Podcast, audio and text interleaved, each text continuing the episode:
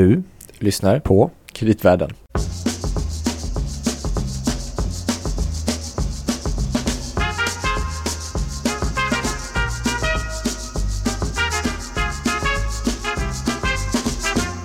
Varmt välkommen till Kreditvärlden alltså med Louis Landeman. och Gabriel Bergin. Det är vi som är här. Ja, återigen. Eh, vi är som giriga efter att få prata med er lyssnare medelst den här podden. Apropå girighet Gabriel, Ja, vet en intressant grej? ja. Att ibland på den här podden så kan man få ett svar på en fråga långt, långt senare som vi har tagit upp. Ja. Jag tror att idag skulle kunna vara ett sånt tillfälle. Ja. För att vissa av er kanske har hört och har ni inte lyssnat på det så finns det avsnitt nummer åtta. Det heter Greed is good. Mm. Det pratade, vi kommer ihåg att vi pratade om han Michael Milken, Mm. the king of junk bonds. Mm. Och så var vi inne på det att vi tyckte det var så konstigt för att eh, de tjänade så otroligt mycket pengar och ändå så var, var de tvungna att göra, eller tvungna, men de gjorde en massa olagligheter för att tjäna ännu lite mer. Och så Mm. sa vi att det var lite konstigt egentligen. Varför gjorde de det? De hade ju inte behövt. Du tänker att vi ska få svaret på det nu? Kanske. Ja, det låter ju fantastiskt. Mm, Jag tror att det här kan vi inte svara på själva va? Du Nej. tänker att vi Eller måste ja, ha någon gäst? jag tror det. Ja. Vi har hittat en expert på girighet. Eller man kanske inte ska säga så. Tobias Hammar, journalist. Varmt välkommen. Du har skrivit en bok om girighet. Tack. Ja, det stämmer. Är du expert på girighet? Eh, nej, men jag kanske är en sån som har intervjuat experter på girighet. Och det gör mig väl till kanske någon indirekt eh, expert. Hur, får man fråga liksom, till att börja med, hur kom du på den här idén att du skulle skriva den här boken? Ja, ehm, jag, hade ju, jag har jobbat som ekonomijournalist eh, i många år. Och som, som ett led i det arbetet så har jag ju stött på girighetsaffärer affärer och skandaler på olika sätt. Mm. Och även varit delaktig i många eh, rapporteringar om sådana här Mm. affärer. Och då har jag ofta stött på den frågan, eller jag märker att jag ofta burit på den frågan. Hur kommer det sig att människor som verkar ha allt Mm. ändå är beredda att eh, ta så pass stora sociala och moraliska och kanske till och med juridiska risker för att tjäna lite till. Så det är lite den typen av frågan vi hade. Hur kunde de göra det här när Ja, de ändå precis. tjänar så mycket pengar? Det verkar så konstigt. Precis, för ofta är det ju själva vinningarna utav de här affärerna är oftast ganska små i relation till vad, vad människor redan kanske antas Mm. kan ha. Mm. Det här låter ju som att vi har hittat den perfekta Mm. personen för att svara på den här frågan. då. Mycket. Mm. Men eh, till att börja med då Tobias, hur eh, kan man definiera, vad menar, vad, vad är girighet liksom? Man kan ju vara snål eller man kan vara ekonomisk eller, men det, det här girighet känns som att det är lite mer på något vis. En Ja. dödssynd. En Ja, dödssynd, precis. ja. En Mm. dödssynd till att börja med. Ehm, alltså girighet är ju till, om man ska börja med att sätta girighet i perspektiv så kan man ju säga att det är ett ganska svårt och kanske även felaktigt begrepp att ha och, och kasta sig med när vi pratar om eh, ekonomiskt ha-begär. För att det, det är så värderande och det Mm. säger inte så mycket. Och ska man gå som jag gjorde till forskningen så hittar man ju ingenting om girighet där eftersom det inte finns någonting som kan studeras som heter girighet. Utan det som man kan kanske vrida det till för att få en mer eh, faktamässig konnotation på det är kanske säga att det finns en utstuderad eh, självhävdelse Mm. eller en, någon sorts excessivt ha-begär eller samlarbegär. Mm. Och för att bli då excessivt och utstuderat så behöver det då passera någon slags gräns som Mm. vi själva sätter. Så där har Mm. vi en subjektiv ehm, faktor som vi måste ta med. Och sen måste det också gärna inverka menande på, på andra så att vi oftast säger vi inte att människor som samlar på kapsyler är inte giriga eh, nödvändigtvis. Utan det måste röra resurser som man kanske andra Det ska drabba någon annan. Ska så att drabba någon annan, Mm.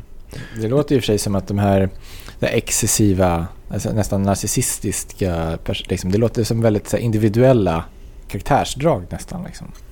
Ja, Kan alla vara giriga?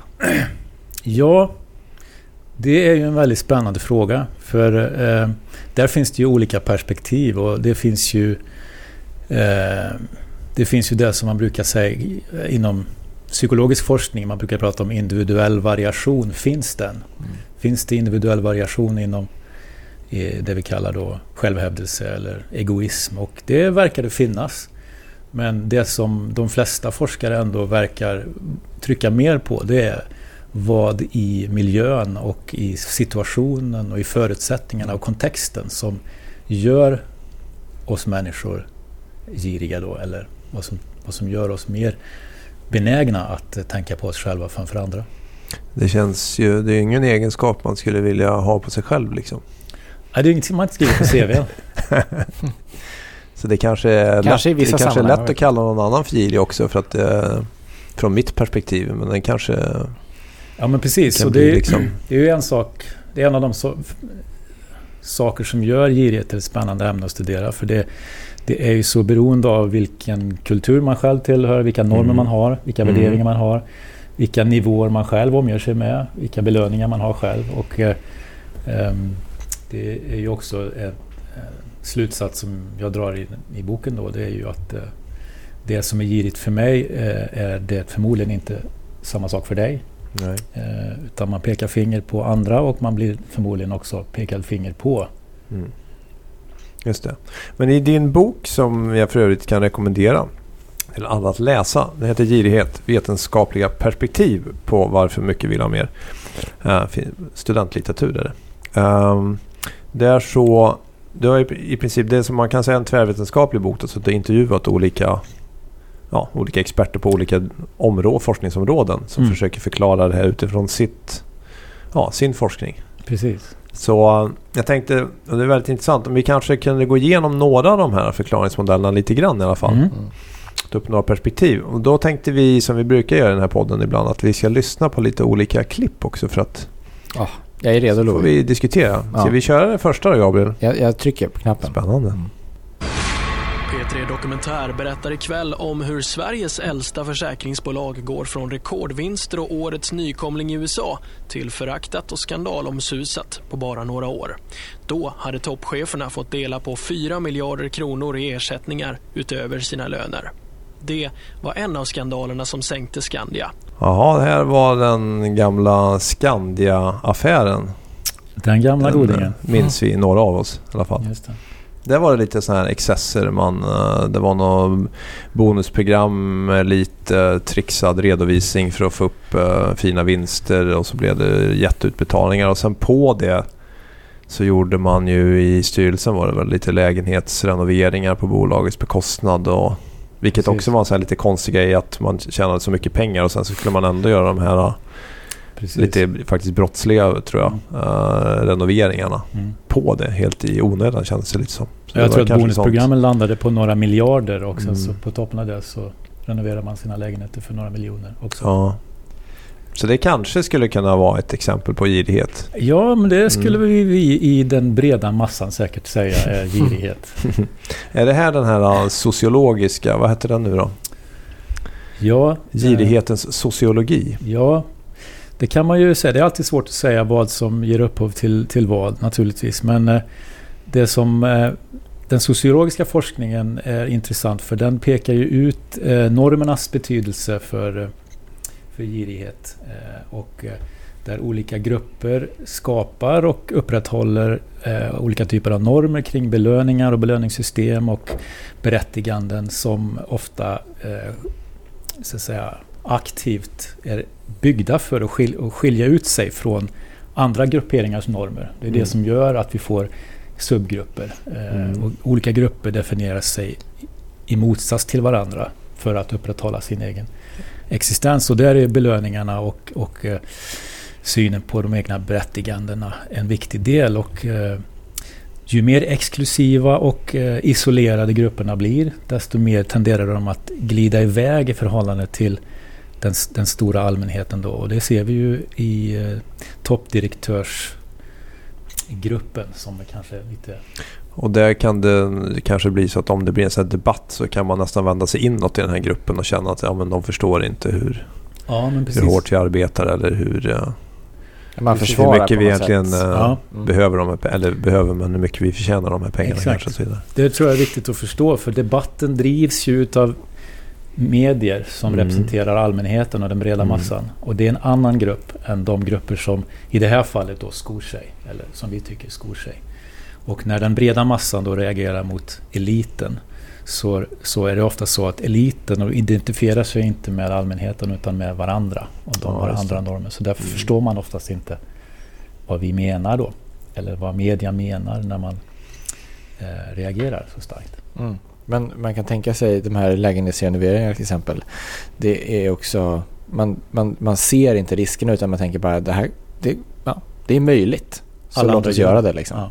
Det handlar kanske inte om att eh, heller att det är någon så medvetet gränsöverskridelse utan bara att man ser inte heller några hinder för det givet att man använder den i sitt yrke till Nej. exempel. Precis. Och där, där kommer man, glider man ju in lite grann på den psykologiska förklaringen att saker och ting inte nödvändigtvis är aktiva handlingar och val utan att det är vanebeslut. Att eh, alla Mm. gör det, jag gör det, jag kan göra det och därför så det finns hela tiden en glidande så säga, moralisk skala som, som förändras ju, ju, mer, ju mer jag omger mig med, typen, med en viss typ av belöningar och en viss typ av normer eh, och så vidare. Men kan den här gruppen då som har så att säga, betett sig på ett girigt sätt, kan deras, den normerna i den gruppen förändras över tid eller av att den här stora massan till exempel uttrycker sin åsikt? Liksom? Ja, det, det, det, det kan det ju. Normerna förändras ju hela tiden i, i samhället. Och eh, det som är intressant är också att normerna skiftar eh, beroende på var man befinner sig. Man kanske har en viss typ av normer när man är, sitter i,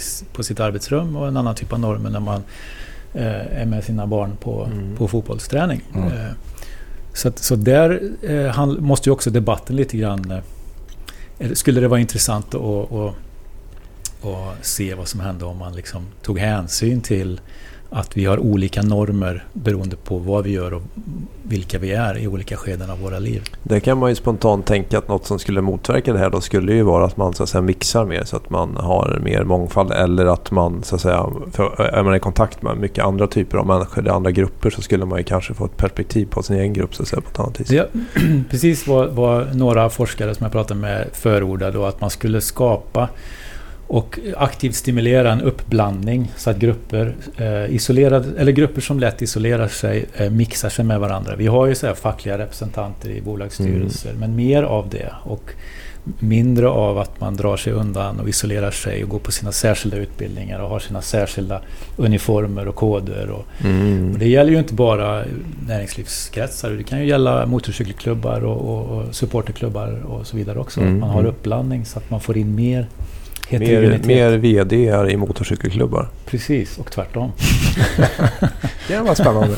Ja. Sen kan det ju, och vi kommer kanske tillbaka till det, men jag menar, du, du skapar ju så att säga egna normer eller liknande grupper av människor som stödjer varandra och skapar normer tillsammans, även om det är Mm. till exempel fackföreningar med Kommunal då Mm. nyligen. Liksom, så att, men då har man kanske inte perspektiv från sina medlemmar, eller till exempel då. Nej. Nej, men det är också en, bli vikt, vi en, en väldigt Mm. viktig sociologisk slutsats, om vi är inne på det, det är ju att homogena grupper lätt urartar eftersom eh, det blir, uppstår en osäkerhet kring ranghierarkin i grupper som, ser, som är väldigt lika varandra i, i förhållande till ålder, så här, faktorer som ålder och inkomst och, Mm. och kön och så vidare. Och det kan lätt bli en tävlan som i logement och styrelserum och så vidare. Mm. Så heterogenitet är föredra. Men sen, för du var inne på den här psykologiska modellen. Jag tänkte man kunde ta den lite snabbt också. Då, för den touchar lite. För att det finns ju den här... uh, Om jag förstod det rätt i alla fall från boken. Att uh, okej, du är i en grupp. Men sen beror det också dina egna erfarenheter i livet.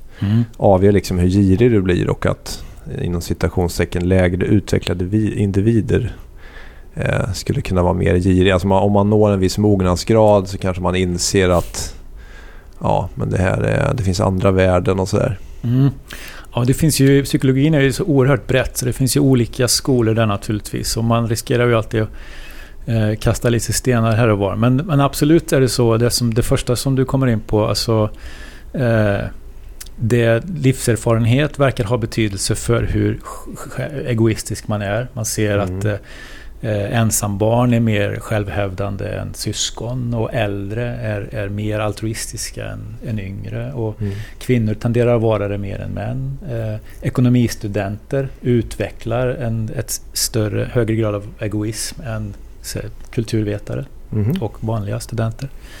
Det ena. Och det andra är att utvecklingspsykologi, eh, och det är långtidsstudier, svåra att, att, att säga, uttala sig säkert, men att det, det verkar som att en viss typ av psykologisk mognad motverkar eh, ekonomisk självhävdelse. Att man tenderar att ha lättare för att sätta in sig själv i ett större perspektiv.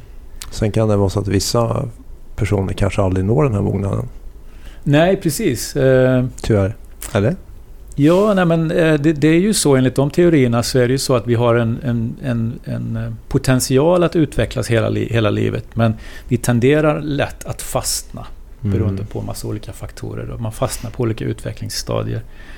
Eh, och där kan man väl se, det, det, är ju många som har dragit den slutsatsen att chefspositioner befolkas av människor kanske med mer psykopatologiska drag, det vill säga folk som tänker mindre på helheten mm. än, mm. än, sig själv och så vidare. Mindre empati. Ja, mindre empati. Och så det finns mm. ju indikationer på att vi, vi tenderar att vilja se i ledande befattningar människor som är ganska enkla till skillnad från de som är mer komplext resonerande och som, som kan, kan tänka i många olika paradoxala banor och därmed också eh, sätta sig själv i större perspektiv. Mm.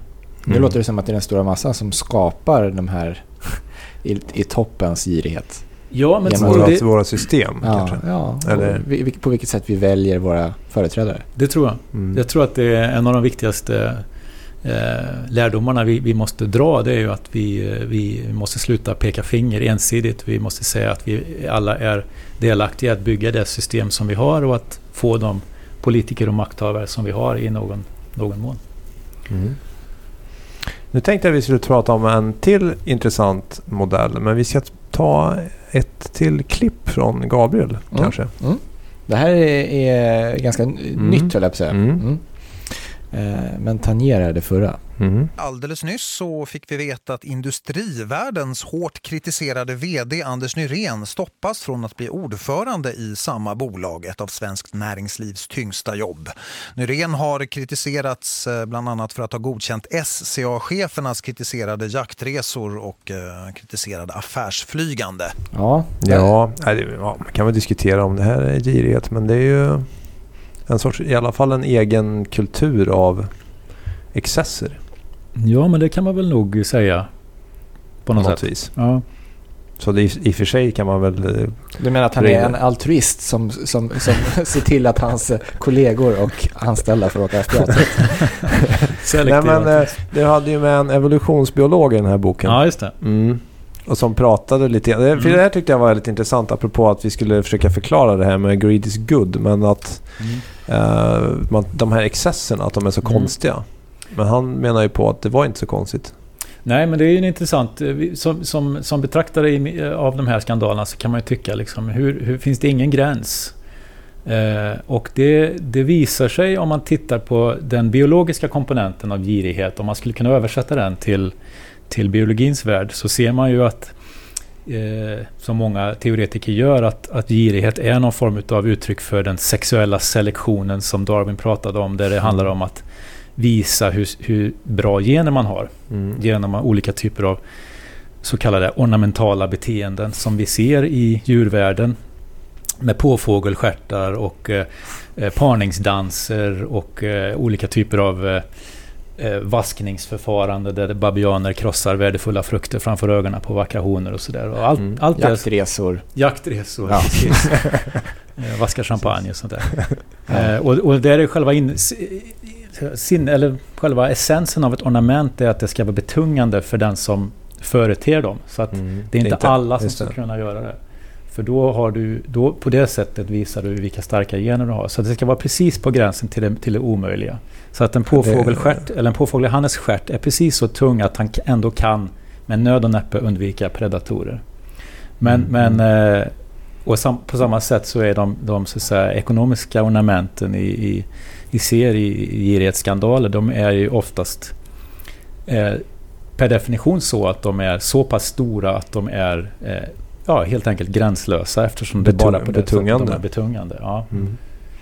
Det är själva excessen som är, grej, det är grejen i sig. Annars skulle det inte vara något. Liksom. Nej, precis. Om alla mm. kunde köra runt i en stor Porsche så, så vore inte det en, en, en häftig bil. Och numera är det inte så, så excessivt att köra runt i en Porsche. Men har du, har du liksom en egen ö och massa jetplan då börjar... Det är som de här ultraloppen. Liksom. Alla springer maraton. Då får man ju eh, ta upp några mil till och Ja. lägga på ett cykellopp och Mm. simma lite. Liksom. Precis, men det är intressant Det- att du säger det. För det är ju också någonting som de här teoretikerna då hävdar att det vi ser i den här hä- hälsohetsen, som, det är ju också en typ av ornamentalt beteende. Mm. Att, att eh, springa maraton är ett sätt att visa hur, hur eh, fit du är. Fulländad man är. Ja, det är ju inte minst med Mm. alla det- Instagram-konton det känns, ju från inte så, gymmen. det känns ju inte så speciellt längre. Nej, det är ju inte så. Det, det var Precis. 10 mil liksom. För att inte tala om golf då som var excessivt på, för 20 år sedan. Det är Just ju det, det har fullständigt... blivit allemans... eh, eh, Ja, just det. Mm. får man hitta något annat. Precis. Mm. Jaktresor. Jaktresor. Ja, Ja, det känns ju som en ganska rimlig eh, förklaring faktiskt. ja, men till en del kanske. För det pågår väl mycket girighet i det fördolda också. Det finns ju många typer av, av om man ska se- titta på det som sker i, i offentligheten så är det många typer av girighetsskandaler. Det är inte alla som är eh, gravitationstrotsande av, av de här värsta sorten som Michael Milken och, och den typen av... Utan det är ju mycket också som är rena, så att säga, gir, alltså, som handlar om att säkra sin identitet eh, eller jämföra sig med andra. Och där, där kommer man ju också in på en psykologisk eller en sociologisk förklaring där det handlar om att man inte vill hamna på efterkälken och så vidare. Och de är ju inte kanske lika excessiva och, och gränslösa. Som, sorts vardagens girighet. ja, vi, vi har ju den här eh, Johan Donner-affären, Röda Korset-medarbetaren som Ja, fifflade. Och det, det är ju en spännande, för den sätter ju fingret på girighetens... Eh, eh, alltså, I allmänheten så tenderar vi att tro att, att giriga människor och girigbukar som ham, hamnar i de här dreven är eh, festprissar och hedonister. Mm. Men det som forskningen visar gång på gång på gång det är ju att eh, människor som tar till de här medlen och ofta begår brott för att eh, tillskansa sig pengar är oftast djupt eh, jagade av sina egna inre demoner. Att försöka Mm. hin- hålla jämna steg med sin omgivning. Eh, man har hela sitt sociala nätverk inom en viss grupp som man kanske inte riktigt klarar av att, att hålla sig ajour med på något sätt ekonomiskt. Så det ligger jättemycket i identitet och, och att undvika olust snarare än att söka lust. Och kanske att man i första gången har gjort någonting för att uppnå någon snabb vinst och något liknande. Sen så för att överskyla den förlusten eller vad man nu har Precis. ställt till med. Sen så fortsätter man och så trappas det liksom Så blir det en ond spiral. en ond spiral. Ja, Mm. precis. Ja, och även om man inte har haft förluster så, jag menar, första Mm. miljonen som man har lyckats tillskansa sig kanske inte är så kul efter, efter ett tag. Så måste man ha två och sen så måste man Precis. ha tio och så, och så vidare. Just det. Just det, det låter ju som den här uh, neuroekonomen. Exakt. Han i Zürich var det va? Just det. Att suget efter pengar är som suget efter knark. Mm. Exakt. Det är ju eh, en neurologisk, ett neurologiskt perspektiv man kan ta på girighet som ju eh, där man eh, helt enkelt eh, använder hjärnans, man beskriver girighet utifrån, utifrån hjärnans belöningssystem där, där eh, nya belöningar tenderar att ge oss stora eh, neurologiska belöningar i form av upprymdhet och lust. Men ju Mm. mer vi, vi, vi doserar oss med den typ, samma typ av belöning upprepade gånger desto mindre smakar den och då måste man ha mer för att, för att känna den här lusten. Och det är den typiska adaptionen som finns i, hjärn, i belöningssystemet. Men det här klassiska citatet då, greed is good. Mm. Ligger det någonting i det? Är det en bra drivkraft liksom? Eller? Du tänker för eh, samhället i stort eller, alltså, eller för individen eller? Ja, att det liksom man Båda ska, och kanske. mm, skulle på något vis skapa en eh, mer effektiv person för att man jagar den här belöningen och det skulle kunna leda till Ja, nej men eh, ökad... eh, Det är ju en otroligt eh, filosofisk fråga. Det kan man eh, prata länge om. Men eh, det är väl absolut så att det, som, det som neurologerna ser, om vi fortsätter på det spåret, är ju att när man jagar en typ av belöning som man väldigt gärna vill ha, då är man otroligt målfokuserad. Man kan bli på gränsen till tunnelseende, man blir oerhört riktad. så-. Och det är klart att det kan vara väldigt produktivt i, under en begränsad tid kanske. Så på ett sätt så är det ju ett, ett rus man upplever när man jagar sin belöning. Så det kan, vara, det kan ju vara good på ett sätt. Men det finns ju alltid baksidor med det där. För det, Mm. det, det slår ju över till slut. Mm. Och eh, man behöver mer och mer eh, för att uppnå det här ruset. Så att där finns en baksida. Sen finns det väl också den filosofiska eller ideologiska diskussionen om, om, om eh, den egoistiska drivkraftens konsekvenser i längden för, för samhället i stort och ekonomin. Mm. Men sen hade du någon grej som jag blev lite deppig när jag läste. Men det kanske är så. Jag tror att det var någonting om att liksom, eller en fråga liksom. Är det girigheten som är normen och altruismen, även om vi kan vara altruistiska, det är egentligen ett undantag? Kan man Ja, säga så? ja eh, det kan man nog säga eh, på, på ett sätt. Eh, Det beror väl också lite grann på vilket perspektiv vi har. Studerar man biologi så är det nog ganska tydligt att det är egoism som är normen. Mm. Eh, och, eh, men studerar man sociologi eller antropologi eller civilisationens uppkomst och fall så kan man ju se att eh, samhället bygger på en enormt intrikat eh, sams, samspel och samarbete Mm. mellan individer. Och det skulle inte kunna fungera utan, utan altruism. Och man, man ser ju också i forskningen att människor som är involverade och delaktiga i marknadsekonomier är mer altruistiska och ger mer av, av det de har till, till främmande människor än människor som kommer från bytesekonomier eller mer arkaiska samhällssystem.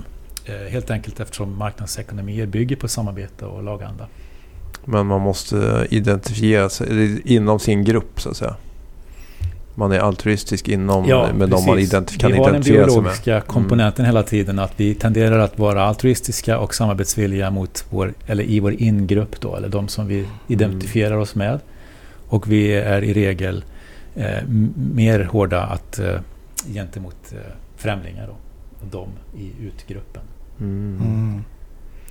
Just det. Så det gäller att förvalta den, den goda girigheten på rätt sätt och hitta kontrollmekanismer kanske på något sätt. Precis, och eh, inse att det är ju en biologisk mekanism. Vi har en predisposition för att vara både altruistiska och egoistiska och mycket beror på de, vilka strukturer vi bygger i vårt samhälle. Och där tror jag att vi kommer aldrig kunna tvätta bort girigheten som, som mekanism. Men vi kan se vilka vi, vilka vi när vi skapar, vilka kollektiv och grupper är det vi skapar. För ju större och mer inkluderande grupper vi kan ha desto, desto mer kommer vi att, samarbeta och eh, och, och kanske även eh, liksom inse att det finns just det här, vad ska man säga, värdesätta andra värderingar än bara de rent ekonomiska.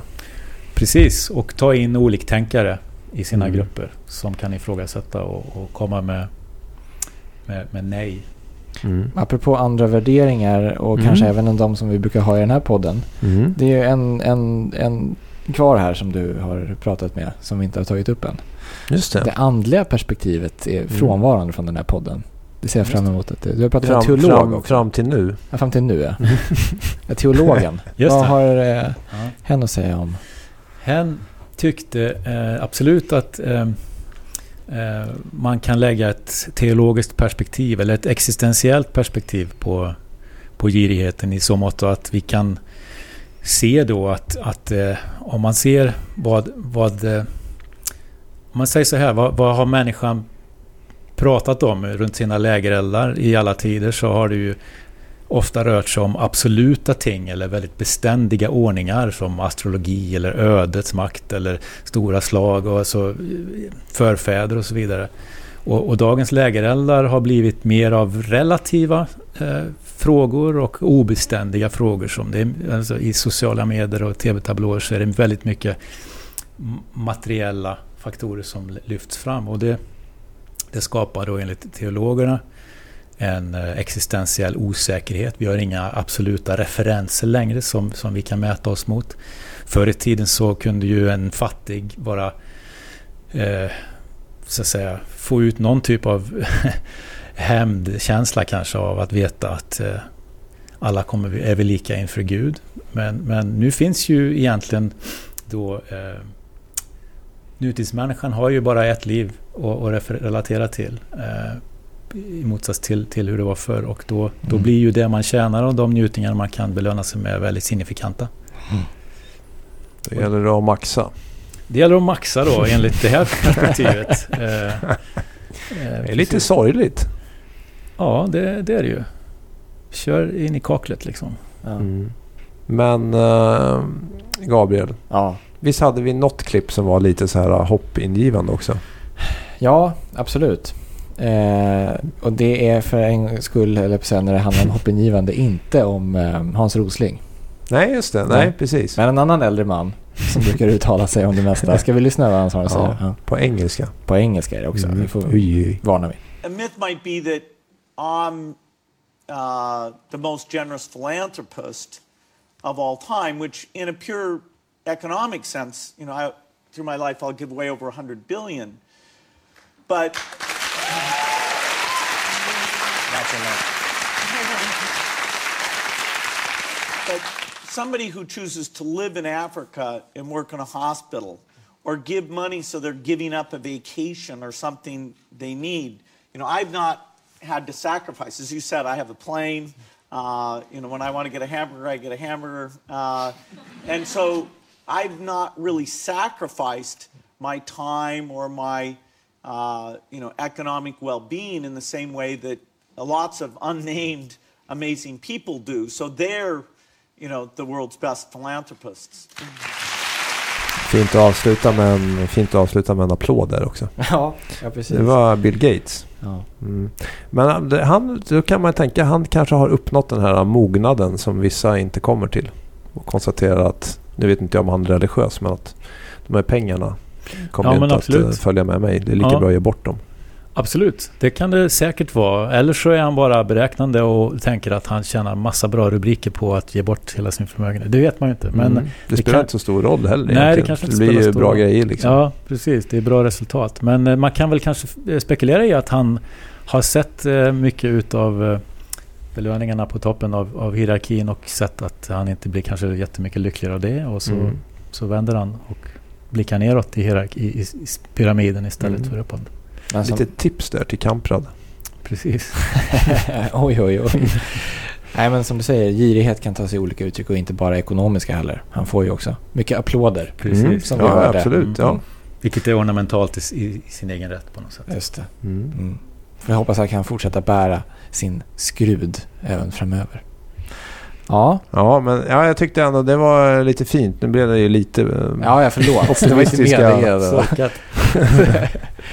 Eller vad tror du, eh, vad tror du Tobias? Om Framtiden? Finns det hopp? Eller blir vi, blir, vi, liksom, blir vi girigare och girigare eller är det bara att vi har varit likadant? Lika Ja, iriga gud, alltid? det, eller? det är nog en svår fråga där. Men eh, jag tänker så här, ser man på de långa perspektiven så är det ingen tvekan om att vi har blivit mer... Att intoleransen gentemot andras girighet har ökat. Att vi, Mm. vi eh, ser väldigt eh, negativt på människor som roffar av det gemensamma.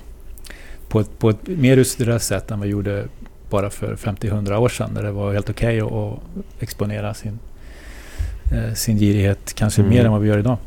Men det är klart att eh, vi lever också i en tid eh, som hyllar prestation och, och mat- materialism och belöningar och perfektionism. Och det är klart att det i någon mån eh, gynnar den här själv, de här självhävdande komponenterna i oss eller mekanismerna Mm. i oss. Och Mm. att det, det kan finnas både, både hopp och en viss förtvivlan i det. Mm. Ja, går det för långt så kan det ju liksom den här solidariteten i samhället brytas ner. Liksom. Man känner att de är på toppen inte... Precis, och det är det sig, som liksom. är den stora faran med, med girighet är väl kanske just, just det att den leder till ökade klyftor i längden. Och ser man till lyckoforskning och, och, och, och så vidare så är det ju få andra variabler som är lika eh, har lika stor effekt på människors upplevda lycka som just sociala klyftor eftersom Mm. Stora glapp mellan rik och fattig skapar kriminalitet och friktion och, och bristande lojalitet och, och förtroende. Och även sociala jämförelser som är en di- direkt komponent bakom självupplevd lycka. Om, om min granne tjänar mer än jag så kommer jag känna mig otillfredsställd. Och han kommer känna sig otrygg. Mm. Jag sitter ju bredvid dig Lo i vårt kontorslandskap. Ja, precis. Ja. Hur känns det? Ja. kan ta det. Vi har mycket att prata om efter det här Gabriel. Jag Jag, tror tänkte det. bland annat, var inte, du är väl ensam barn? Ja, just det. Mm. Ja, Ska vi, det- det tack kan vi- ja. Tobias. Jätte... Och du mycket. ekonomistudent. Just det, vänta nu. ja, tack, tack Tobias i många, på Ja, många tack. sätt. eh, Tack så mycket. Ja. Tack. Väldigt roligt. Tack, roligt att vara här. Ja, Mm, bra. Vid nästa skandal får du komma tillbaka. det gör jag gärna. Live, direkt kommentera. Det låter Med bra. applåder. Mm. Eh, Tack Näst- också alla lyssnare. Ja. Förlåt, nej, skulle du säga? Louis, Nästa varsågod. avsnitt. Mm. Då kommer vi också ta upp ett aktuellt ämne. Ja, det kommer vi försöka Mm. göra. Mm, absolut. Ja, varsågod Eh, Gabriel. Du, ja, tack. jag skulle bara säga innan Louis, jag Mm. tror att du har någon liten låt eller någonting på G. Ja, På lut. Ja. Jag skulle bara passa på att säga innan det... hur kunde du veta det? Jo, synsk. Tänkte bara passa på att säga att alla lyssnare som tycker att eh, det vi gör eh, är, är värt att lyssna på, gå gärna in på iTunes och tryck på några stjärnor, så många som ni tycker att vi är värda och skriv någonting. Och dela gärna i sociala medier om ni tycker att det är bra, så kan fler ta del av eh, det vi gör. Det var det jag skulle säga. Varsågod Mm. Ja, nu kan jag inte bärga mig längre. Som tack till Tobias ska vi runda av detta avsnitt och lyssna på en del av en låt som heter Give Me Some of That Money med Elvin Bishop. Mycket passande text. Ja, fast lite begränsad girighet. Give me some of that money. ja, Ja, du det får höra själv. Ja, precis. Ja, Tack. tack, tack. Hej, hej. Hej. Now the average farmer in China makes 200 bucks a year. The average dude in the United States spends twice that much on beer. But the thing that gets to me the most is the money made by these TV hosts. Old Letterman making 10 million per. I'm gonna have to tell him, sir. What do you say? The number one thing on my top 10 list is this. Give me some of that money. Give me some of that money. Give me some of that money.